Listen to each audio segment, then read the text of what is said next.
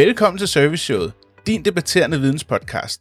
Dine tre værter, Trine, Daniel og Michael, debatterer modeller med fokus på, hvordan de anvendes i praksis. En podcastserie, hvor vi diskuterer modeller. Rigtig god fornøjelse. Hej og velkommen til. Vi sidder klar med en uh, ny podcast, og i dag der skal vi have snakket lidt om uh, Business Model Canvas. Og mit første spørgsmål, inden vi ligesom introducerer modellen, det er, er det her en forretningsmodel? Ja, det er det da. Ja, men det er vel meget godt, at vi lige kan blive enige om, om det her er en forretningsmodel. Fordi hvad er en forretningsmodel? Jo, en forretningsmodel, det er hvordan man...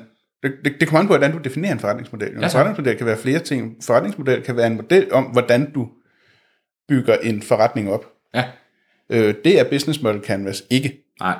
Men en forretningsmodel som Business Model Canvas, det er, hvordan du bedst udvikler din forretning. Altså, hvordan du kigger på din forretning og udvikler den bedst muligt. Altså, den form for forretningsmodel. Og når man lige snakker om begrebet, så synes jeg også, det er vigtigt, at vi nævner, at der er stor forskel på forretningsmodel og forretningsplan. Ja, det er der. Og, og det vi snakker om i dag, det er en forretningsmodel. Ja. Ja. Og den, som vi ligesom tager udgangspunkt i, det er en, som er udviklet af nogle teoretikere, øh, hvor Osterwalde, Alexander Osterwalde, han ligesom står i spidsen. Og for lige at sætte rammen, så kan man sige, jamen det er en meget simpel model, som har ni byggeblokke. Og de her ni byggeblokke, dem har vi valgt at dele over i to, sådan så vi i den her podcast, der vil vi have fokus på fire af dem. Og de fire, det bliver øh, det værdiskabende, der er noget her i, øh, i centrum af modellen ligesom. Så skal man øh, orientere sig mod nogle kunder, så der er noget kundesegment, vi skal have diskuteret i dag. For at nå til sine kunder, så er der noget omkring kanalvalget, og når man ligesom har øh, etableret den her forbindelse, så skal man gerne bygge videre på det, og man skal i virkeligheden have skabt nogle loyale kunder. Og det, som vi så tager i den næste, det er den anden side af modellen, og det er ligesom den venstre side og den underliggende. Og den venstre side, det er med aktiviteter, altså de aktiviteter, som virksomheden skal gennemføre. Det er de ressourcer, som de har tilgængelige. Og det kan være de partnere og sponsorer, eller hvem man nu ligesom kan sige, der er interessenter for virksomheden. Og så er der det underliggende, som er økonomien. Og det skal i virkeligheden hives op i det hele, men der er alle de udgifter, man har, og så er der de indtægter, man har. Så, så det vil lige at sætte øh, scenen. Kan I være, går I med på præmissen om, at det var okay forklaret? Jeg er fuldstændig enig. Det var Ja. godt præsenteret. Ja, det er det. Alle de kan tydeligt se sådan en model for sig. Og ellers så kan man sige, at man kan finde den mange steder på nettet. Den ligger blandt andet også øh, på serviceshow.dk, øh, og der kan man gå ind og få et overblik over den her model. Men der, hvor vi starter, det er med det her værdiskabende. På engelsk, der kalder man det et value proposition. Og på dansk, der er det begreb, der ligesom er, det er, det er et værditilbud. Det skal være noget, der skaber værdi. Og har I et eller andet, I kan byde ind med her nu, ellers så bliver det en, en lang kedelig podcast, hvor jeg bare sidder i en monolog. Jamen det vigtigste, når man skal skabe en værdi, det er jo øh, at finde ud af, hvad er det, øh, ens produkt kan gøre for dem, som vælger at købe produktet. Så jeg vil ikke tale om kunder nu, for det skal vi senere, men, men det værdiskabende, det er altså det, som skaber værdi for dem, som godt kunne tænke ja. sig at købe produktet. Nu tænker du, jeg vil gerne have et eksempel. Ja, jeg, jeg, det, det kommer jeg i hvert fald til at sige på et tidspunkt. Kommer det at sige ja, på et tidspunkt. Øh, og der har vi jo sådan noget som, øh, som Uber. Ja, Det er et rigtig godt eksempel på nogen, som øh, kiggede på markedet og så, jamen, hvad, hvad mangler der? ja, Øh, hvad for en værdi kan vi skabe? Fordi der var jo taxaer. ja, Men det Uber gjorde, det var, at de lavede en app, og så kunne du øh, allerede inden du egentlig havde tilkaldt den der bil, som der skulle komme og hente dig, der kunne du se, hvor meget det kostede. Du kunne se, hvad for nogle biler der var mange, hvor bilerne er i nærheden, hvor hurtigt der går, inden de kan komme og hente dig osv. Og det er jo langt mere, end taxaselskaberne kunne. ja.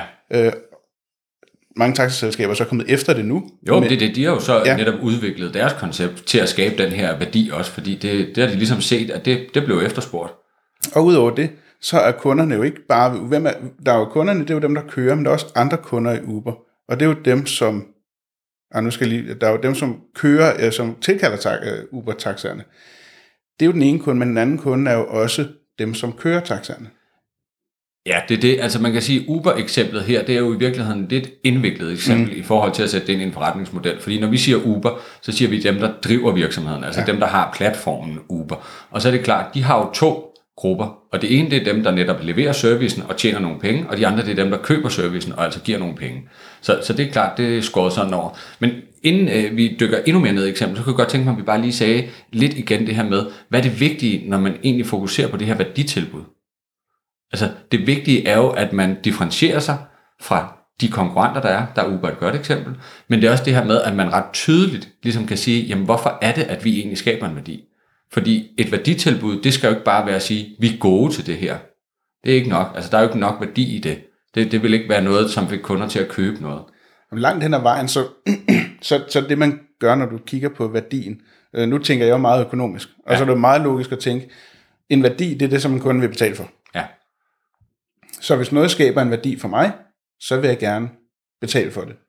Og det er jo en meget nem måde at kigge på, på, på markedet og sige, det er sådan, man skaber en værdi. Og i den kapitalis- kapitalis- kapitalistiske tankegang, ja. så er det jo også sådan, man anskuer det. Mm. Og det tror jeg egentlig også er det, som, som øh, Osterwalder egentlig i bund og grund øh, lægger op til. Ja. Ja, hvad er kundens behov? Ja, det er rigtigt. Man skal ind og, Og afdække noget der. det? Ja. Og, og det er det, øh, du sagde det også før, øh, Mimo, at vi ikke endnu er over i kundesegmentet, men det er klart, at når man tænker på, hvilken værdi man skal skabe, jamen, så skal man selvfølgelig tænke på, hvem det er, det skal være en værdi for. Ikke? Det er klart, at man skal også selv kunne ligesom, øh, lave den her værdi. Men altså, hvis vi øh, tager lidt mere til det her med, med Uber, så kan man sige, jamen der var jo mange alternativer til, hvordan man kan blive transporteret fra A til B, som jo primært er det, de gerne vil. Og der handler det jo om, at de så laver løsning på en ny måde. Og man kan sige, at siden Uber, der er der jo også kommet flere løsninger til. Altså, jeg ved godt, det ikke er direkte sammenlignet, men elløbehjul, som du kan samle op øh, på et hvert gadehjørne i større byer, det er jo sådan set også noget, der i virkeligheden dækker det samme værditilbud, at du kommer fra A til B. Uber er jo sjældent noget, hvor du kører øh, uoverskueligt langt. Altså, så det er jo inden for nogle kortere distancer. Ja, så er der sådan nogle som Lyft, som jo er stort set er det samme Mm. øh, som Uber, bare med et andet navn. Og hvad er, hvis vi lige gennemgår, hvad er Ubers værdi? Jamen, Ubers værdi er, at det er nemt, Bekvemmeligt? bekvemmeligt, øh, Pris? det er hurtigt, prisen er lav, ja. Ja, det er kvalitet, hurtigt, nemt, billigt. Ja. Altså, det er vel det, de i virkeligheden gerne vil slå på, ikke? Altså, og så er det klart, det er ikke det, der nødvendigvis er det, der skal være deres formulerede værditilbud. Men det er det, der ligesom er den grundlæggende, som de kan tilbyde. Og så ligger der også der i Uber med, at den værdi, som den enkelte kører øh, tilbyder, er jo noget, som går ind og påvirker hans egen forretning. Ja. Så det vil sige, når man har været i en Uber, så skal du vurdere, hvordan din oplevelse har været, og jo højere du ligger, altså jo bedre vurderinger du får, jo flere ture får du. Ja. Det er en dejlig øh, spiral for dem, der gør det godt, og det er en Ja. rigtig ond spiral for dem, der ikke gør det særlig godt. Men det er rigtigt, det her det er jo også anmeldelsesbaseret, så igen så kan man ja. sige, jamen afhængigt af hvilken bil man har, så kan man jo også tiltrække forskellige kunder til den type af bil. Så, så det er klart, det er også noget, der påvirker det. Ja, derfor har de nu tre forskellige typer Uber, hvor du siger, der er Uber for limousiner, Ja. talt, så er der Uber Black, og så er der Uber billig, og så er der Uber øh, til store familier. Ja, det er det. Og Trine, hun og du, I vil kun vælge black, altså fordi I er meget orienteret mod det her, det skal være øh, stort og ekstravagant, og I skal føle jer som en verdensmand, når I kommer frem. Eller verdenskvinde, ja. Og hvad vil du så vælge? Daniel? Øh, jamen, jeg vil øh, simpelthen ikke vælge det. Altså, men det er bare, øh, altså det er noget helt andet. Øh, og nu er det ikke, fordi jeg skal dykke ned i, om det er lovligt og ulovligt i Danmark osv., men jeg, har, jeg tror aldrig, jeg har bestilt en Uber nogen steder. Altså, jeg har vist været med i en Uber-tur øh, en gang, men øh, Ja, for vi var i Amsterdam, der kørte vi på en, u- i en Uber. ja, så siger vi det. Men Så det, du blev presset til det? Jeg blev simpelthen presset. Øh, Det var øh, apropos det, du snakkede om sidste gang med den der gangstertest. Jeg følte, at jeg bare blev proppet ned i bagagerum på en eller anden bil, og så skulle jeg finde ud af, hvor fanden jeg var. Nå, men i forhold til det her med værditilbud. Ja, fordi noget af det, der er vigtigt i forhold til værditilbud, det er også at forholde sig for øje. Et værditilbud for nogen er jo ikke et værditilbud for andre. Nej, Øh, fordi nu vil jeg gerne, må jeg springe over et andet eksempel? ja. Fordi vi har jo, nu vil jeg gerne hive min mor med ind i det her. Ja, og det, vil, øh, hun kommer ikke øh, sådan rent fysisk med, men, men du gengiver hende. Er Ja. det med stemmevariant også? Eller? Nej, nej, nej, kører- jeg, jeg, jeg tror bare, jeg holder mig til, Ja, ja, det er så fortælle om. Okay. Fordi Men- der er også noget med tankstationer. Ja, Og hvis man kigger på de her selvbetjeningstankstationer, øh, som jo er de fleste efterhånden, ja, øh, der til, det, og det må være fordi, de har en, en skaber en værdi. Altså det her med, at du kan gå ind, du kan putte kortet i, du kan tanke hurtigt, og du kan komme afsted. ja, så det du mener med selvbetjening, det er, at, at, at du betaler ved standarden. Ja. Fordi det er altid selvbetjening i Danmark i hvert fald. Ikke? Ellers så skal du bare ind og betale i butikken, men det er stadigvæk selvbetjening. Det er Eller hvad? Ja, ja, ja, ja, på den måde. Ja, ja, det er Ja. betalingen, der er. Ja. øh, ja. Ja, men det er jo igen, fordi du er økonom, så der tænker du bare på de økonomiske vigtige. Det er Og så så, fint. og så går du faktisk allerede derover i kunderelationer. Ja, men jeg vil lige holde fast i mit eksempel, fordi ja. det er det tilbud, som andre har. Jeg ved, min, øh, min mor godt kan lide at gå ind og betale. Ja, Altså hun er ikke så glad for det der, hvor hun, hvor hun kører, skal køre kortet igennem selv og sådan noget. Ikke fordi hun ikke kan, men fordi hun kan bedre lide at gå ind i en butik og betale. ja, Altså derfor så, så, så, så er de her selvbetjeningstankstationer, som jeg kalder dem, det er jo et værditilbud for mig, mm. men det er ikke et værditilbud for min mor. Nej. Og det er jo vigtigt at holde sig for øje, når man skal analysere sin egen øh, værdiskabelse. Ja.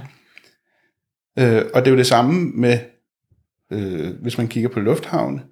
Der er nogen, som gerne vil have personlig kontakt, der er andre, der ikke vil. Så derfor så værditilbuddet veksler, og det, det er meget vigtigt at holde sig for øje, at man ikke kigger på alle, men man kigger på sine egne kunder. Ja, men der vil jeg gerne smide en uh, tak ud efter din mor i forhold til at kunne have det her eksempel uh, og bringe det ind. Men jeg synes faktisk, det er et godt eksempel i forhold til netop det her med, jamen værdien, den er jo der, hvor kundens behov er. Og det var jo også det, du sagde før, Trine. Og kan vi så øh, uh, med den overgang ligesom glide over og så tale en lille smule om det her med kundesegment? Ja.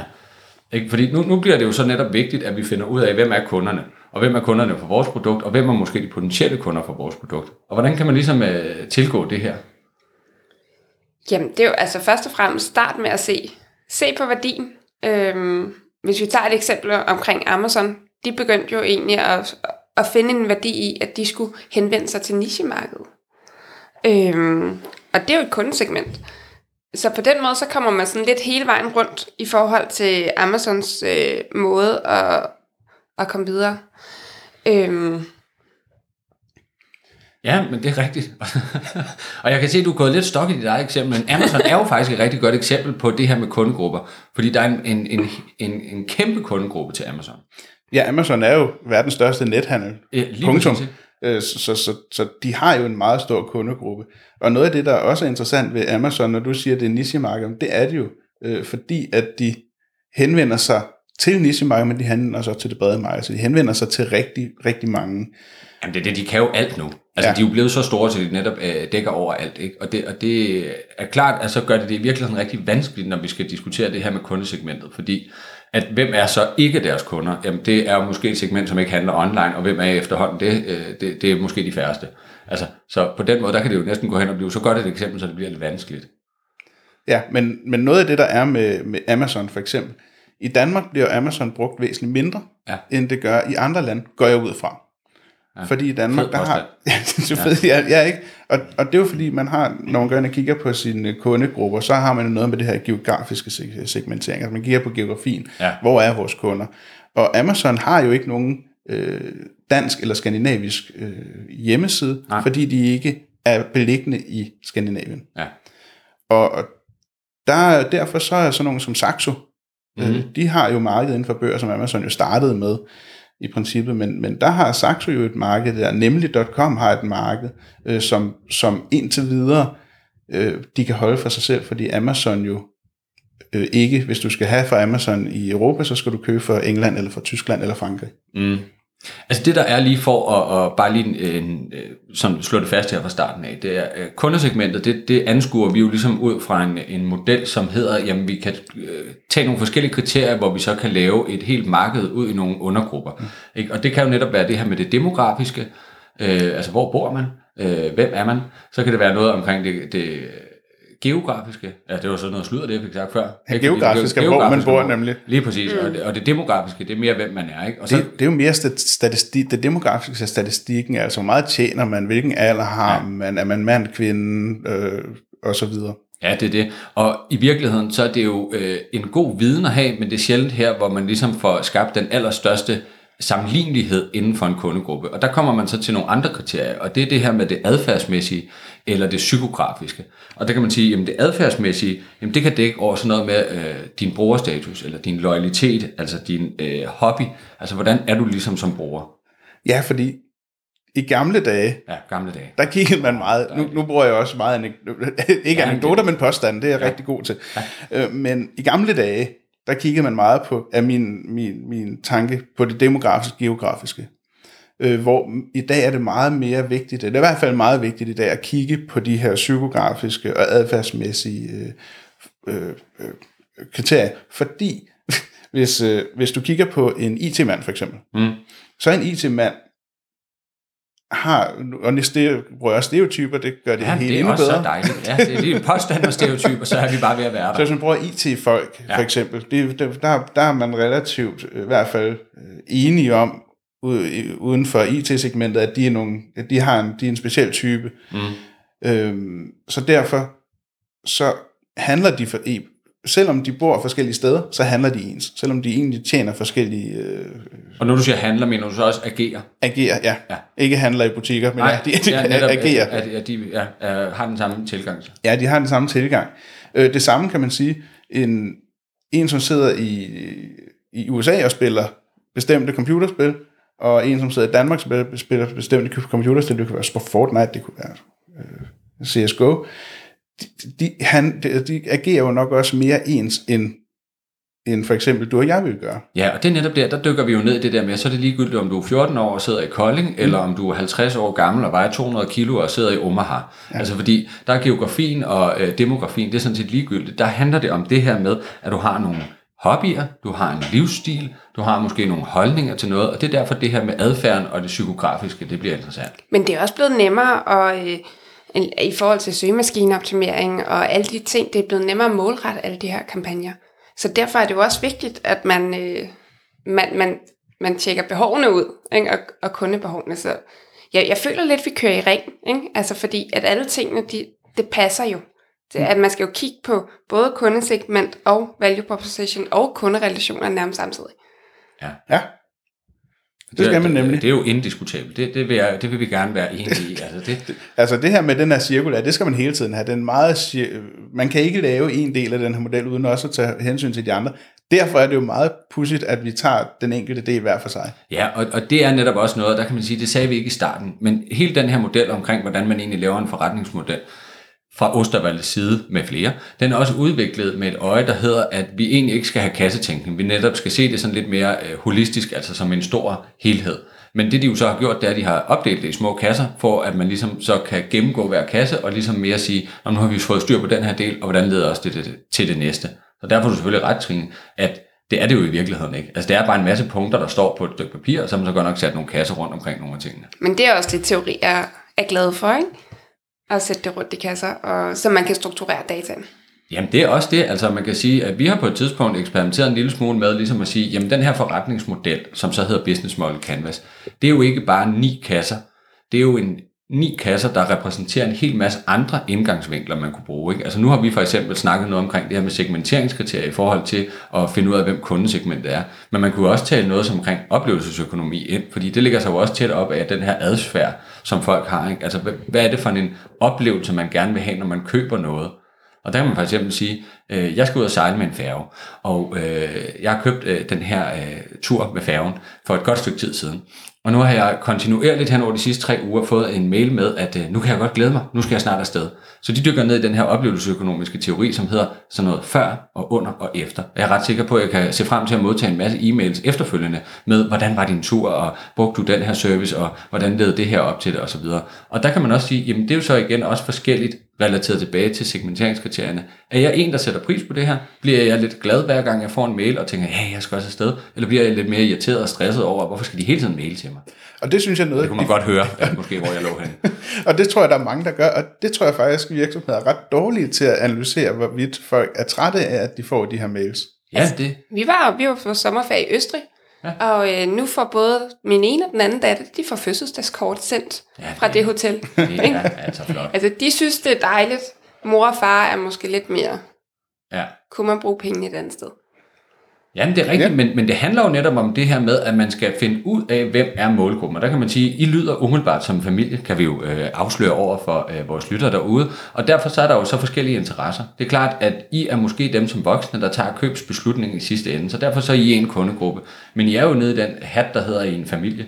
Og derfor så ved alle, der har en familie på den måde jo godt, at der i virkeligheden er nogle andre, der er dem, der beslutter, hvor man skal hen. Altså, og det er børnene. Ikke? Ja. Så det er klart, at hvis du kan dykke ned og så sende et fødselsdagskort til nogle børn, så siger de, ej, jeg vil helt vildt gerne tilbage til det sted. Ja, og så gør man det. Altså, så på den måde, der er det jo smart nok. Børnene vælger ferie, kvinderne vælger biler, Ja, det er det. Og mændene, ej, det tør man ikke sige. vælger ikke særlig meget. Nej, det var det. Jeg var lige ved at sige noget omkring økonomi, men det ville simpelthen blive alt for farligt og utidigt. Så har vi sat scenen, kan jeg så fornemme. Åh oh, gud, nej. Øh, spørgsmålet er, om vi bare skal få lukket det ned, eller om øh, alle sidder derude og tænker, ah, har de et andet, et andet eksempel? Altså, jeg snakker om det der med Amazon, og det var for abstrakt. Der har været noget med en færgetur, en øh, rejse til Østrig, men vi er sgu lidt i tvivl om stadigvæk det her kundesegment. Og det ved jeg, der Mimo har. Jamen, for eksempel, hvis man, hvis man skal, nu, nu, nu køber jeg jo øh, god mælk. Ja, Og, så jeg vil gerne selvfølgelig hive det her eksempel op, som hedder, hvis du kigger på kundesegmenter, Irma over for Netto. ja, Øhm, og til de lytter, som sidder i, øh, i, i uden for Københavnsområdet, så er Irma et, øh, et, et dyre supermarked, øh, kvalitetsorienteret supermarked, som er i Coop-koncernen. ja. Så fik vi det slået fast. Ja. Og så tilbage til mælken. Ja, fordi øh, det, der ligger med det, det er, at Irma er et af de, øh, en, af de, en af de kæder, som har rigtig, rigtig høj kvalitet af mælk. Mm-hmm. Og det vil sige, og det kan man jo ikke umiddelbart se ud fra, hvis du kigger på, hvor jeg bor og hvor meget jeg tjener, at jeg går op i, at jeg skal have god mælk. Nej. Øh, så derfor så Irma, de, de går benhårdt på den her adfærdsmæssige og psykografiske øh, tilgang. Ja, det er det. Altså, de, de, de tjener penge på at ramme en niche. Ja, og man kan sige, nu kan folk jo ikke se dig, og det er ikke øh, fordi, at du lige umiddelbart ligner typen, der går helt vildt meget op i mælk. Altså du taler meget ofte om øh, noget med eksempler omkring biler, øh, det kan også være noget med amerikansk fodbold, det kan være noget med noget IT-udstyr, men du har også den her passion for mælk, og det hørte vi også lidt sidste gang, da vi snakkede om design thinking, hvor du øh, var blevet sur over juice og mælk, øh, altså øh, dengang Arda ligesom prøvede det her kawi-koncept. Mm-hmm. Men det du godt kan lide, det er jo, at du kan godt lide noget økologisk mælk, øh, der gerne må have ligesom sådan en lille smule smag af græs. Og der føler du dig nok trådt på, når du så går ned i Netto, og så får du bare Arles taglige, selvom det er økologisk mælk. Ikke? Og der er du jo en fejnsmækker. Og der er vi jo så over i det her med, jamen der har du simpelthen en livsstil, en adfærd, der, der, der ligesom gør og signalerer, at det her det er noget, der betyder noget for dig. Og hvem kan man så ellers sætte ind i den kategori? Ja, det er lidt svært sådan umiddelbart lige at definere, fordi som du selv sagde, demografien, geografien, det er nok ligegyldigt. Der er noget med det her med, altså, hvor meget vil man også give for det? Hvor meget går man også op i miljøet, for eksempel? Er det noget, der påvirker i virkeligheden, hvilken mælk man køber? Og det er det måske også. Altså, det er du ja. den eneste, der kan svare på. Jamen, ja, for mit vedkommende, så er det jo, og det er jo derfor, at man skal lave mere end 20 klik inde på Facebook, så er det, de kan finde ud af helt præcis, hvordan man agerer, hvordan man agerer ikke? Ja. Og jeg har et helt andet behov, sidder jeg tænker. Når jeg går i supermarkedet, for det første, så vælger jeg det tætteste på. Ja. Og så vælger jeg simpelthen bare den mælk, jeg lige kan nå at få fat i, inden Lucia, hun er rent ud af supermarkedet. Ja. Ikke? Så, så det er sjovt at se, også fordi jeg, jeg er et andet sted, mm. og jeg har en anden, øh, en anden tilgang. Øhm, Så din loyalitet, den er nul. det, Altså du er... Den er råret. Det er det. Når man skal segmentere dig, så går man simpelthen bare ned, og så siger man geografi. Ja, Ikke? Altså, og så er der jo øh, alligevel slet ikke rigtigt, fordi det passer jo ikke. Fordi det er jo din adfærd, det er jo din livsstil, det er jo din øh, familiestatus, det er jo det, der påvirker det. Så det derfor så, hurtigt. Ja, ja, det er det. Men derfor så de segmenteringskriterier, de er jo stadigvæk vigtige for, hvem du er som kunde. Og det er jo også det, som supermarkederne ved. Det er jo derfor, at Netto, de har jo haft den største andel, ligesom i Danmark, af, af den her discount-supermarked. Ikke? Men Rema 1000 er jo begyndt at rykke ind over det hele og åbne nye Rema 1000'er. Og det er jo netop også, fordi de godt ved, der er ikke nogen, der kører efter en Rema 1000, fordi det gider man ikke. Det skal i hvert fald ikke være ret mange kilometer. Så derfor bliver de jo også nødt til at ligge over det hele. Så de er jo blevet nødt til ligesom at sige, det gør Netto, det skal vi også. Og Netto levede jo også højt i krisen, under krisen, ikke?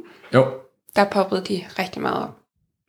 Og så Rema, de her, ja, og Rema, de, de vinder jo øh, ty, tit over Netto, hvis de lægger sig lige ved siden af. Fordi der går de ind og påvirker nogle holdninger som, øh, og nogle, nogle adfærd, som er begynder at være fremherskende i, i samfundet, kan man sige, i forhold til, at Rema fokuserer meget på, øh, at du skal kunne købe, øh, at, at der ikke skal være madspil. Ja, det skal være enkelt varer, Enkelt. du kan købe for eksempel af frugt og grønt og så videre. Der er det ikke, at du køber et eller andet stort bund porre, hvor du kun skal bruge en og smider de sidste fire ud. Ja. Det er rigtigt. Og udover det, så er de også mere det her med, at det er øh, personlig betjening, øh, fordi det er, det er øh, øh, hvad hedder det, det er en anden ejerform, Ja. end, end Netto har. Øh, det er rent faktisk et butiksindehaver, ikke? Som, Ja, det, er det, og så har de sådan noget helt vildt underligt et inventar, tror jeg, at øh, folk i, i Netto, de vil tænke, altså fordi de har simpelthen reoler. Øh, de, har, de har sådan nogle steder, hvor de sætter varerne op, i stedet for bare at have det stående i en papkasse på en palle. Og det er jo øh, selvfølgelig igen noget, der kan appellere lidt til forskellige øh, typer af kunder, og hvad er det, man gerne vil. Ja. Og, og de er jo ikke helt vildt dyre, men de er jo faktisk noget dyrere, når man går ind og ser på stykpriserne, fordi de netop bare sælger deres ting på en anden vis. Men det er jo der, hvor man i 2020 godt kan slippe afsted med den slags ting, fordi man siger, at vi er mere bæredygtige, vi har fokus på øh, madspil og alt muligt andet. Ja, lige præcis. Og når du siger personlig betjening, så tænker jeg også, altså, så kan du gå over i Føtex, ikke? og så kan du få en allokeret personlig betjening. Nej, sludder. Altså, hvor der simpelthen er en uh, ansat, der går rundt efter dig derinde øh, og siger, øh, jeg tror ikke, at det er den mælk, du vil have. Det kunne da være, jeg skulle prøve umiddelbart." Ja. det. var jeg ikke klar over, de havde i Føtex. Så det skulle er- jeg skulle prøve det. Det er ligesom, Ja, i, i, ligesom i magasin til jul. Ja, det er det. Der kan du simpelthen få en personal shopper, der og hjælper dig med at købe øh, de rigtige mælk. Og, ej, det brød er slet Nej. ikke. Ja. Nej, jeg tænkte automatiseret service, det var det, jeg tænkte. ja. Ja. Ja. Og hvad er det? Jamen, det er jo altså de her øh, nye kasser, i stedet for at du skal vente i kø, så kan du selv scanne din vare ind. Ja. Ja. Det er rigtigt, og det vinder jo også frem. Altså man kan sige, at der er jo flere og flere, der vil gøre det her. Øh, Superbrusen, de, øh, eller Brusen-konceptet, jeg tror øh, sådan set det er bredt, ikke? de reklamerer jo også meget med det her med, at de har deres app, og så kan du gå rundt og scanne varerne, og så skal du bare lige scanne det, når du går ud, og så er du sådan set betalt. Og det er rigtigt, Føtex, de har jo også deres øh, check-ud-kasse selv, og det mener jeg også, at Bilka har, ikke? at de kører det i det øh, koncern. Og det er sjovt, ja. at det tager faktisk ofte dobbelt så lang tid. Ja. Og alligevel så vælger jeg den service altid. Ja, og hvorfor gør du det? Det er fordi, du slipper for at snakke med nogen. Både det, og jeg kan stå i min egen lille boble, og så synes ja. jeg også, det er lidt sjovt at scanne egen varer. Ja, det er det. Det er lidt det der med, at man vil også godt dykke ned i noget, som man ikke gør normalt, og scanne varer, det er ikke noget, jeg særligt tit gør, så derfor vælger jeg det også altid. Og det er en kæmpe stor fest. Jeg står også med min søn, og så scanner vi varer sammen, og det er bare super fedt. Men jeg synes også, det er meget sjovt, men det er fordi, jeg typisk gør det for at spare tid. Ja, Øh, men, men og sparer du så tid? ikke, højst sandsynligt ikke. Nej. Nå, vi er, også ved, at- vi er også ved at være røget ud af en underlig supermarkedstangent her. Altså spørgsmålet er, om øh, vi lige skal få kabret os selv tilbage på, øh, på banen, og så i virkeligheden øh, gå over i den næste lille kasse, som hedder det her med kanaler. Ja, fordi nu har vi jo, nu har vi, som du siger, nu har vi, øh, hvilken værdi vi skaber for, for Ja. vores kunder, har vi jo været der for nogle kunder, som vi, vi gerne vil sælge til. Lige ja. præcis. Så nu sidder alle og er helt med på det, og så tænker de, kanalvalg, hvad er det for noget? Altså, hvad dækker det over? Og det kan jo dække over lidt forskellige ting, afhængig af, hvordan vi ligesom vil forklare det. Så øh, er der nogen af jer, der ligesom har lyst til at lægge ud? Ja, yeah. jeg tænker, altså kanaler dækker over i forhold til, hvad er det for en kanal, virksomheden bruger? Ja. Øhm, hvor er det, at øh, kunderne møder virksomheden? Ja, Og jo- der kan jo være flere kanaler. Ja, og, men det er en god måde at formulere det på, fordi det er det her med, hvor møder virksomheden kunden, eller hvor møder kunden virksomheden. Ja. Og det er jo det, det handler om. Og der kan man også sige, jamen der er det jo så tilbage til, hvilken værdi man skal skabe, og hvilken kundegruppe man er ude efter, så må de gerne blive mødt på forskellige måder. Mm. Vi har været lidt omkring sådan noget med supermarkedet, ikke? og de kan jo både have tv-reklamer, de kan have nogle reklamer på busstopsteder, de sender nogle små øh, kataloger ud, som bliver husstandsomdelt osv. Så på den måde møder de jo folk mange steder. Det kan jo også være ved, at folk simpelthen bare ser deres fysiske butik og tænker, der går jeg lige ind og køber min øh, lækre økologiske letmælk.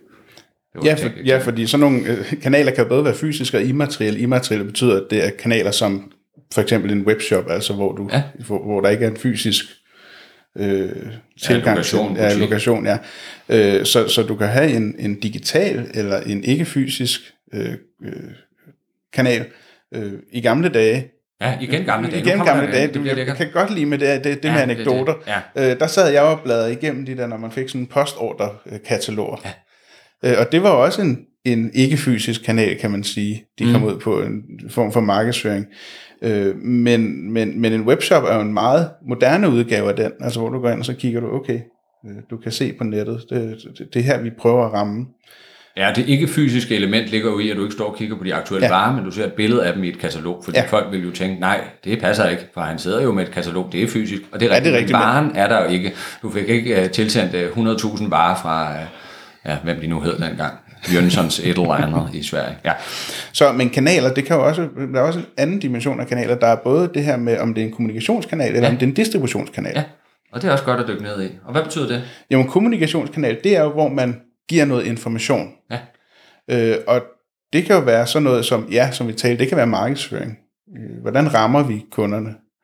Øh, og det kan også, men det kan også være webshop.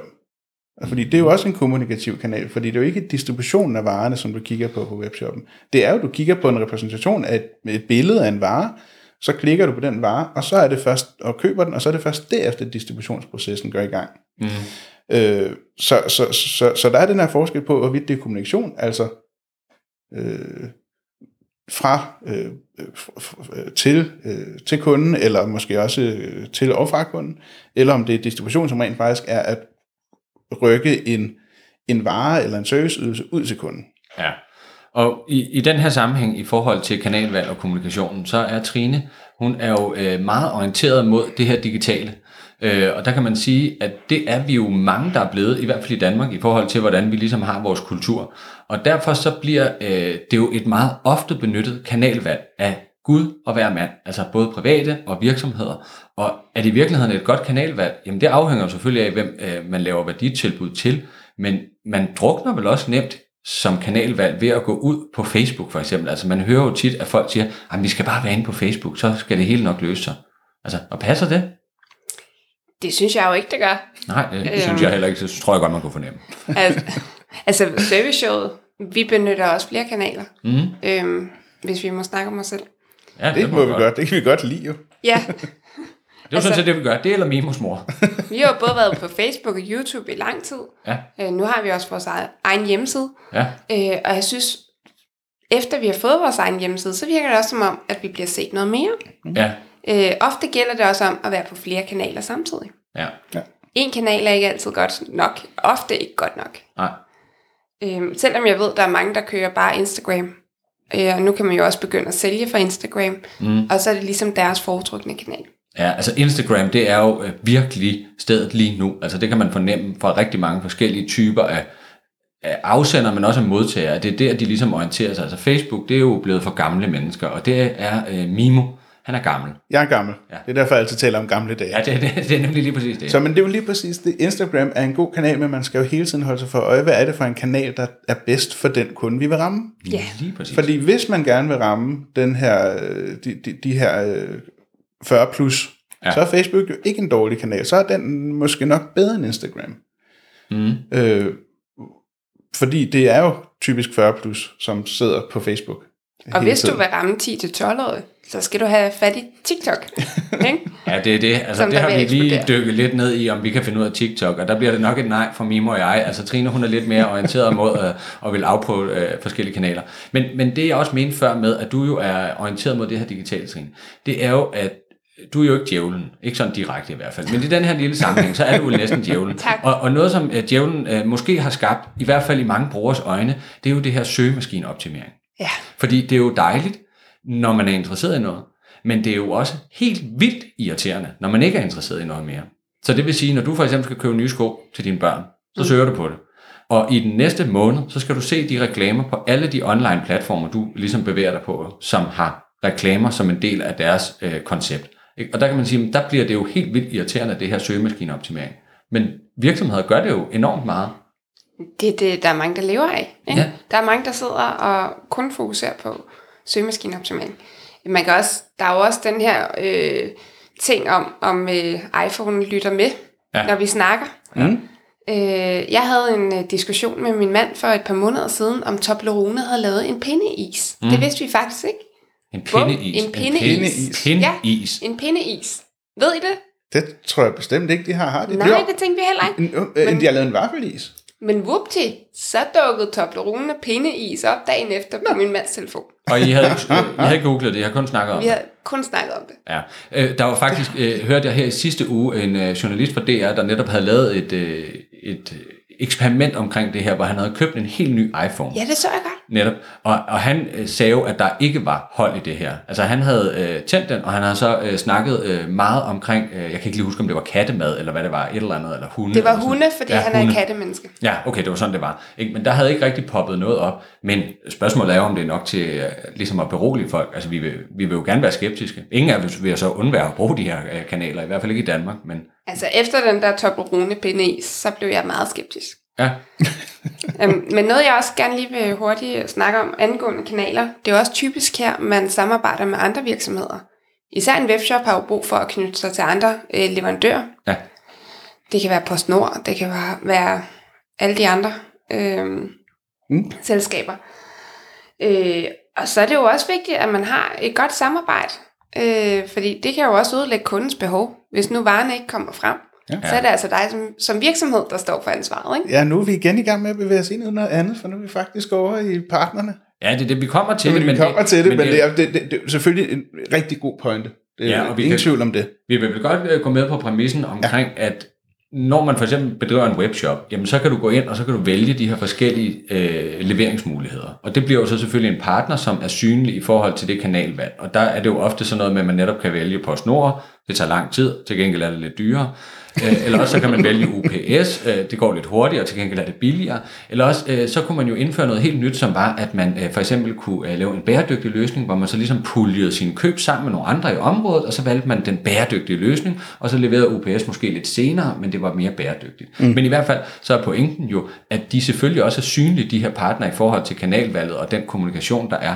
Og derfor så bliver de jo også vigtige. Ja, fordi kanalvalget er jo selvfølgelig også vigtigt i forhold til det produkt, man leverer. Ja, Øh, Amazon for eksempel, ligesom for at bruge et nyt eksempel, Ja. de har jo lige indført, øh, de har, de, de har, i USA, der har de, øh, der sælger de også dagligvarer, ja, Og der har de lige indført i, i, i de større byer, du kan få to timers levering. Ja. Så du kan klikke ind, du kan trykke, så du kan få leveret inden for to timer. Kapav. Og det kræver jo, at du virkelig har en kanal, et kanalvalg, som, som kan gøre det her for dig. Ja, der skal Øhm. være noget logistik, der hænger sammen ja. Bag ved det. Ikke? Altså, Det skal der være øh, brugervenligt og optimeret osv. Øh, Jeg sidder og tænker på, om øh, vi har tabt alle vores lytter i forhold til, at vi øh, næsten kun har talt omkring øh, digitale elementer.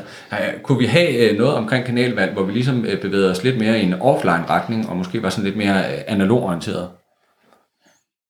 Altså jeg ved, Mimus er go-to-eksempel jo altid, når han ligesom bliver presset op af en væg, det vil være at sige noget omkring biler. Jamen, det er det ikke den her gang, Nå, for jeg vil okay. egentlig gerne tale om Power så.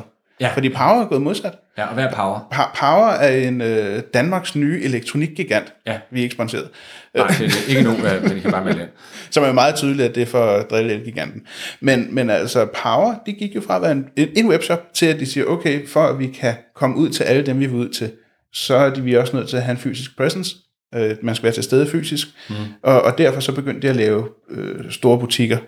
Øh, altså ligesom modsvar til elgiganten. Ja, og deres værditilbud er vel også meget det her med, at de netop slår på, at priserne er som at handle på nettet. Ja. Fordi det er jo det, der er problemet lige nu for mange af den her type af butikker. Det er, at folk de vil egentlig godt se produkterne, føle lidt på dem, og så går de hjem og bestiller det på nettet, fordi det er billigere. Ja. Så derfor er det et godt eksempel i forhold til, jamen vi skal have, vi skal have folk ind i vores butik, vi skal have dem til at se produkterne. Når de så har set et eller andet og rørt ved det, så er det så lækkert, så de ikke kan lade være at købe det. Og hvis vi kan være nogenlunde prissammenlignelige med det på nettet, så køber de det hos os. Ja. Det kunne jeg godt lide det eksempel. Ja, og det samme, med- det samme med boghandler op til jul. Øh, der tænker jeg også, at de har et relativt godt salg, fordi øh, når du køber gaver, så er det relativt irriterende at få noget, der er digitalt. Mm. For du kan ikke bytte det. Når du får en bog, der er købt på nettet, så er den bøvlet at bytte. Men hvis du køber en i bog ID, så kan du ned og bytte den. Ja. Smart. Ja, det er det. Og så er det bare dejligt nemt, ikke? Ja. Hvis man lige skal købe fem gaver. En butik, og Ja. så en masse bøger. Ja, det er det. Og der fik vi så igen en uh, ny påstand på bordet, som er, at uh, bogbutikker sælger mere til jul. Uh, det antager jeg bare var en påstand, men det er en fin uh, påstand til at understøtte dit eksempel omkring Ja. det her. Jamen jeg sagde også, at jeg er ret sikker på, at de gør det. Altså jeg er ret sikker på, at de sælger mere til jul end, end på resten af året. Ja, det er, det er jeg godt klar over, og ret sikker er jeg sikker på, at synonym med, at det, det er en påstand. Det er en påstand, ja, ja helt sikkert. Det er også fint nok. Det kan jeg godt lide. Ja, jeg kan godt lide eksempel. Jeg kan bedre lide eksempel omkring power. Fordi der synes jeg, der er noget power. Nej, okay, det bliver også for cheesy.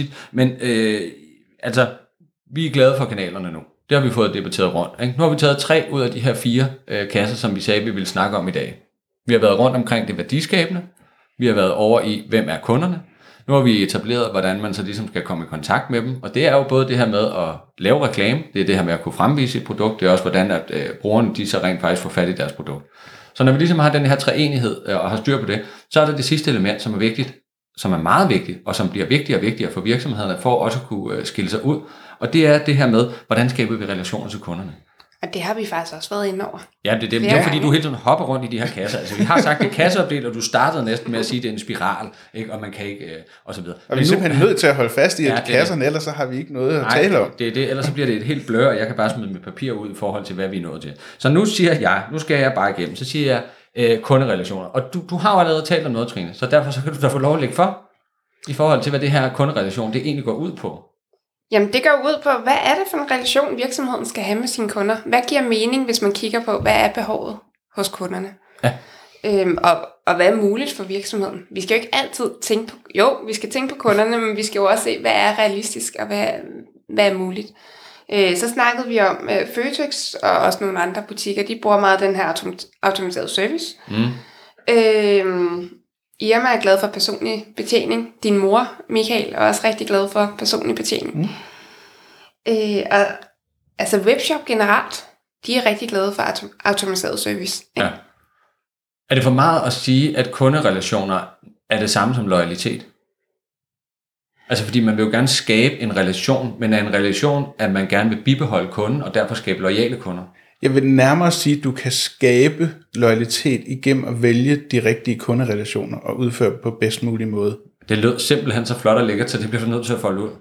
Jamen altså, jeg, jeg vil ikke sige, at, at, at relationen er loyaliteten, Nej, men det er den måde, du vælger at udføre din relation på, nemlig. og vælge din relation, som gør, at kunder hen ad vejen bliver lojale. Ja, så øh, er jeg over at høre, at du i virkeligheden siger noget omkring strategi. Øh, ja, Altså fordi det er jo en strategisk tilgang, du så vælger som virksomhed for at sige, jamen hvad er det for en værdi, jeg skaber til min kundegruppe, og hvordan sørger jeg så for ligesom at bibeholde den her interesse? Ja, man kan sige, der er relationen jo, det er, det, ja, det er, jo, det er jo et strategisk mål og et strategisk valg, hvor man siger, okay, vi, hvor, hvor kanalvalget, for at gå lidt tilbage, det er, det, det, det er et, øh, et, det er ikke på samme måde strategisk, fordi du vælger dit kanalvalg i princippet ud fra, hvad for nogle kunderelationer du gerne vil have. Ja, nu er vi tilbage i den forrige kasse, og ja. Ja. må man gerne, må man gerne gå tilbage, Trine. Man må ikke gå fremad, man må ikke sige, der ikke er kasse. Man må gerne lige gå tilbage og så sige, det var her, vi ligesom fik vores standpunkt. Så det er øhm, nok. Og så, så derfor, når vi kigger på for eksempel, øh, øh, når vi kigger på sådan noget som, Ej, nu kommer den. Nu må der komme noget med bilkøb. Altså, nu må vi være ved at være der. Folk de sidder også bare og tænker, han har snakket om det der med modellervoksbiler. Det tror vi simpelthen ikke på. Der må være noget mere i det. jamen, lad os have, skal, skal, jeg, skal jeg tage mit BMW-eksempel? Ja. Det synes jeg da, du skal. Og der vil jeg også lige sige, at vi er heller ikke sponsoreret af BMW. Vi er ikke sponsoreret af BMW. Øh, men når man, når, man, når man køber en BMW, Mm. eller leaser en BMW, øh, og kommer ind til BMW, jamen, så er der øh, så er der bare et, øh, et meget tydeligt strategisk fokus på, der skal være en kundepleje. De har medarbejdere, som er fokuseret på de enkelte dele mm. af, af processen. Det vil sige, når jeg kommer ind, så er der sælger. Det er der jo altid. Ja. Men mange andre steder, når man så skal have udleveret bilen, så er det også sælgeren, som gør det. Men det er det ikke ved BMW. Der er det simpelthen nogen, der er særligt uddannet og ikke laver andet end at udlevere biler. Så de har den her øh, tilgang, hvor man siger, Personlig allo- betjening. allokeret personlig betjening. Ude, der var vi der. Så er det en Trine. Flot. Hvor man siger, okay, det her det er du rigtig god til. Du er god til kundepleje i forhold til at udlevere biler. Det skal du lave. Du er mm. god til at sælge. Det skal du lave. Så derfor så øh, bruger man de kompetencer, hvor de er bedst muligt anvendt. Øh, og derfor så bruger de det som en måde, en strategisk måde til at højne værdien af den udlevering af bilen. Ja, og øh, der er jo et andet eksempel i relation til BMW, som øh, Mimo og jeg nogle gange har taget op, øh, og det er det her omkring Dacia. Mm. Fordi over for BMW, så er der jo Dacia. Og det kender alle det bilfirma, ikke? Fordi det er dem, der ligesom slår sig øh, an på, at de sælger øh, egentlig jo nogle fine størrelsebiler, øh, og det er øh, knaldbil. Altså det er simpelthen, det er jo øh, en fjerdedel af prisen for en øh, tilsvarende model. Ej, det er lige overdrivet lidt, ikke? Men det er i hvert fald rigtig billigt. Og hvordan er det så, de gør det her med at skabe kunderelationer? Altså fordi de gør det jo i hvert fald ikke med den her, og hvad er det, du kalder det, allokeret øh, personlig betjening. Øh, det er ikke det, de vil. Hvad er det egentlig, de gør? Nå, man kan sige, øh, øh nu, nu kender jeg ikke til hvad strategiet hverken med BMW eller Dacia, men hvis man tager forskellen på dem, så vil BMW gerne skabe loyale kunder. Det vil Ja. sige, du skal vælge dem over andre. Mm. Hvor jeg tænker, at Dacia ikke nødvendigvis vil, vil have loyale kunder, de vil egentlig hellere bare have dem, som vælger det billigste. Ja. Øh, så derfor handler det alt for Dacia om at gøre bilerne så billige som muligt. Du kan få en 7-personers bil, det er den billigste i Danmark til 7 personer. Du kan Ja. få en 5-personers bil, det er den billigste 5-personers bil i Danmark. Og så dem, som fokuserer meget på, på, hvad hedder det, på økonomi, de køber bare den billigste. Så hånden på hjertet, Michael. Hvor mange gange har du været hos Dasha? Jeg har været der en, en enkelt gang. Og Det var, du, ikke, det var ikke for at skulle kigge på en bil som selv. Det var for at kigge på en bil til en anden. Okay. din mor. Øh, nej, Nej. Nej. Okay.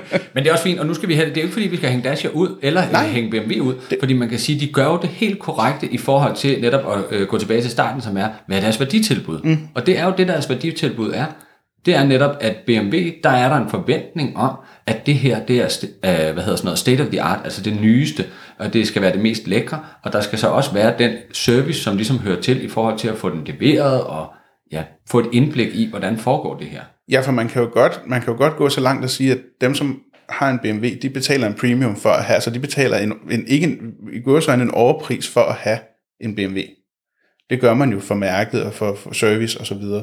Og der er de jo, og, og, og, og der er du jo i den her konkurrence med, at selvom det bliver lidt dyrere næste gang, så vælger du nok at købe det, fordi de har skabt den her via deres, øh, via deres øh, kunderelationer. Der har de skabt, at man gerne vil købe det næste gang også. Hvorimod Dacia, hvis de en dag ikke er billigst, lad os sige Renault lige pludselig, de ligger jo i nogenlunde samme øh, segment. Ja, og så vidt jeg husker, så er det faktisk også det samme virksomhed, Ja, lige ja. præcis, samme procent. Så det er nok ikke lige dem, der udkonkurrerer sig, men det kunne Nej, så være men, men, men lad os sige, at Dacia, og så, og så bliver Renault billigere. Ja. Så vil dem, som valgte en Dacia før, jo bare vælge Renault. For nu er den billigst. Så det er deres relation, og det er også derfor, man ikke kan sige, at de er lojale over for mærket, men de er lojale over for prisen. Ja. Så derfor så øh, vil jeg så øh, igen øh, hive ind og sige, at der er noget med det her loyalitet. Ja. Og så er der noget, der interesserer Trine. øh, rigtig meget, og det er også biler. Men noget andet, der interesserer hende, det er mad. Og det er restauranter. Og det er at navigere rundt i restauranter. Så øh, der var jo øh, simpelthen øh, Michelin-guiden. Og kan vi tage den i forhold til det her med, hvordan skaber det egentlig en kunderelation? Og der kan jeg godt se, at du føler dig lige sat sådan lidt på spidsen nu i forhold til, hvad pokker er øh, Michelin Guide, og hvad er det med øh, kunderelationer at gøre? Og hvad har det med kunderelationer at gøre? ja, så kan du lige tage den. Kan du hjælpe os? Ja, nej. Øhm, jamen, jeg, altså for det første tænker jeg, allerede der, der kommer jeg til at flytte mig over til kanaler. Ja, Øh, fordi der kunne jeg godt, hvis jeg er, er vild med at tage på Michelin-restauranter, så går jeg i gang med at se, jamen, hvem har en Michelin-stjerne? mm. Og det er jo noget, som restauranterne de rigtig godt kan lide at reklamere med, selvfølgelig ja. hvis de har en. Ja. Øhm, og kunderelationer, hvis jeg sætter min ben på sådan en dyr restaurant, så forventer jeg også at få en øh, rigtig fin personlig betjening. Det forventer jeg ikke at få hos McDonald's. nej. Der forventer jeg egentlig at få en selvbetjening nærmest. Ikke? Ja. Øhm, at det er jo det helt nye, at, at man selv kan gå ind og, og bestille sin burger. Øh, men, men på en øh, fin restaurant, jamen, så er det klart, så skal tjeneren jo være, være der til stede og hos mig. Mm. Øhm, Jeg tænker på, på McDonald's, du, du, du tænker, at man kan gå ind og taste ind på de der store skærme, hvad det er for en burger. For Tidligere kunne jeg også selv vælge min burger. Ja, du kan selv få lov at vælge, men nu kan du selv få lov at trykke, Trykke på, på skærmen. Men det er rigtigt. Men altså det her eksempel ja. ja. omkring Michelin-restauranterne, der hvor jeg vil også gerne vil det, hen med det. Ja, Det, det er et godt eksempel. Noget af det, der er med Michelin-restauranterne, det er jo, de vælger jo ikke selv. Det er jo ikke, det er jo ikke, en, det er ikke en strategi, du selv vælger, at du kan få en Michelin-stjerne. nej. Du, du kan vælge, at du gør det så godt, Så du har chance så du har for... chance for at få en Michelin-stjerne. Ja. Øh, Så på den måde er det, er det, det er jo en blåstempling. Mm. Og det vil sige, blåstemplingen siger, som Trine også sagde, når du har fået den stjerne, jamen så er der en eller anden bestemt standard inden for service, inden for din tilgang til, til, til, til, til hvordan du leverer maden og kvaliteten af maden. Mm. Men så Michelin-guiden, det går jo også hen og bliver en potentiel kørselsvejledning for kunder. Mm. Altså, og det er jo netop der, hvor man så kan sige, jamen det skaber en relation til folk, fordi de samler jo et overblik over restauranter, kategoriserer dem, ikke? og så kan man i virkeligheden sige, når man, vi tager lige en tur rundt igennem Tyskland, og så finder vi de øh, restauranter, som Michelin-guiden har udpeget. Så på den måde, så bliver man jo ikke lojal over for en restaurant, men man er lojal over for konceptet, som hedder Michelin-stjerne. Ja. Eller Michelin Og der er jo opdelt den her med en stjerne, det er, at det er en god restaurant at komme på. To stjerner, så vidt jeg ved, er, at det er noget, når du er på en rejse, så, det, så, så, så kan du godt tage et godt stykke væk fra at gå på den restaurant, og en træstjerne, det er, at du simpelthen kan tilrettelægge en rejse for at komme på den Ja, restaurant. der skal du bare rive din arm ja. Ja. af, og så betale med den for at komme øh, længst muligt væk for at, at få oplevelsen. Det er rigtigt.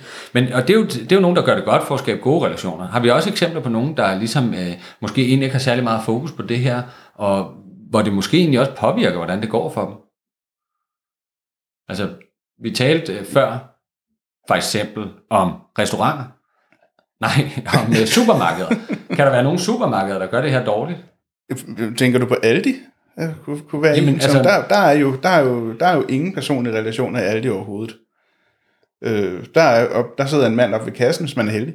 Øh, egentlig overraskende, at de ikke har fået ren øh, selvbetjening, selvscanning nu i Aldi. Men, øh, men, men, men der er jo øh, egentlig bare mennesker, som sætter ting ind på paller, og så kan du tage din vare, og der er egentlig ikke nogen fysisk øh, interaktion ind, så du kommer hen og skal betale i kassen. Ja. Så, så, så der kan man sige, de gør ikke meget i hvert fald for at gøre, øh, gøre kunderelationen stærkere. men i hvert fald ikke i Danmark, for jeg synes faktisk, at min oplevelse, når jeg er Aldi i Tyskland, er anderledes. Mm. Mm? Øh, der kommer jeg ud med en lidt mere positiv oplevelse, fordi der er flere medarbejdere simpelthen i Aldi i Tyskland. Ja. Og så tænk, altså, så kan jeg godt tænke, at det kan være, det, noget, det må være en strategi, Aldi kører her i Danmark. Ja, ja, det er ikke nødvendigt. Det kan Ja. ja. også have noget med lønudgifterne at gøre. Ja, Jeg tænker, at en medarbejder i Tyskland ikke er helt så dyr, som en medarbejder i Danmark er. måske, ja. Øh, men noget, jeg egentlig rigtig gerne vil lige nå at, at byde ind med i forhold til kunderelationer, det er Ja. jo så lige så snart det bliver digitalt. Ja, ja, tilbage til det. Så kan det jo godt være svært nogle gange at få den her personlige relation med kunderne. Mm. Hvad gør folk så, hvis det er udelukkende netbaseret? Der er Eller- flere ting, man kan gøre, ikke? Ja. Øhm, det ene er jo, at man kan jo have den her lille mand oppe i højre hjørne, som der så spørger, Ja, sådan en lille chatbot. Ja, Altså, om du har nogle spørgsmål, eller hvordan af din oplevelse osv. Ja, og der er nogle øh, hjemmesider, de overbruger simpelthen det her, sådan så den popper op hele tiden og bliver et irritationsmoment på mig i hvert fald. Men ja. det er rigtigt, at det er jo deres forsøg på ligesom at sige, hey, vi er her, vi ser dig, hvad kan vi gøre? Men virker det? Jamen det ved jeg ikke, det virker ikke for mig, altså, men det kommer jo igen også an på, hvem man er, hvad man går der ind efter, og hvilke behov man har på personlig øh, relation og pleje. Så man kan sige, jamen hvis du er den type, som er Mimos mor, så kan det da godt virke, fordi så bliver du glad, så tænker du, nej, de har set, at jeg er kommet herind nu, og nu spørger jeg lige om det her. Og det er jo fint. Ja. Der, jeg vil gerne lige give et pip ja. om noget, fordi nu er vi inde på noget, som der kan virke negativt i forhold til kunderelationer. Ja. Og der er jo de her afsindigt irriterende faces, som render rundt på gader og stræder. Og for mig, der har de en ekstrem negativ effekt. Øhm, ja. Fordi hvis der er nogen, som... Jeg, jeg prøver at gå en stor bud udenom. En gang imellem, så kan det ikke lade sig gøre. Så står de oppe i hovedet på en alligevel. Ja. Øh, Der er navnet Facers går jeg ud fra. Øh, men det får mig absolut ikke til at hverken betale til nogen, eller det får mig nærmere til at sige, det gider jeg da slet ikke betale til. Fordi de hyrer sådan nogle idioter til at... Og, øh, Jo. altså, øh, Ikke, øh, øh, sådan nogle, øh, sådan nogle, som, øh, som, som, sådan nogle, ej, det er jo ikke, det er jo ikke, Det er jo ikke individet. nej, det er jo ikke individet, det er konceptet. her, du Nej, selvfølgelig, selvfølgelig, selvfølgelig, er det ikke, selvfølgelig er det ikke individet. Jamen, det tror jeg godt, alle ved. De gør, de gør jo det, som de får penge for, kan man sige. Ja. Men jeg bryder mig ikke om konceptet. Nej, og det gør du nemlig faces. ikke, men det kan jo godt være, hvis nu du, øh, når du bliver 70, og du ligesom mangler nogen at snakke med, så går du bare ned og op af strået og tænker, gud, der er nogen, der vil snakke med mig, hvor dejligt. Er jeg ikke 70? Øh, det, det tror jeg ikke.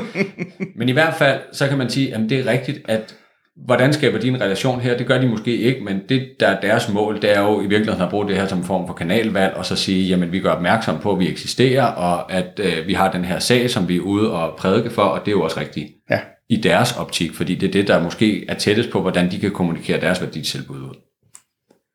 Vi er ved at være der, Ja, tidsmæssigt. synes jeg. Ja, ny- og lige til sidst, nyhedsbrev er også en rigtig god måde at kommunikere ud til kunderne på, Ja, hvis hvorfor du kun det? er digital. Øh, jamen, altså jeg hopper i den hver gang. Ja, okay. Nå. Så du har en masse nyhedsbrev, der bare dumper ind hver dag i forhold til øh, alt muligt ligegyldigt. Hoteller fra Østrig og sådan noget, kan vi så godt regne ud.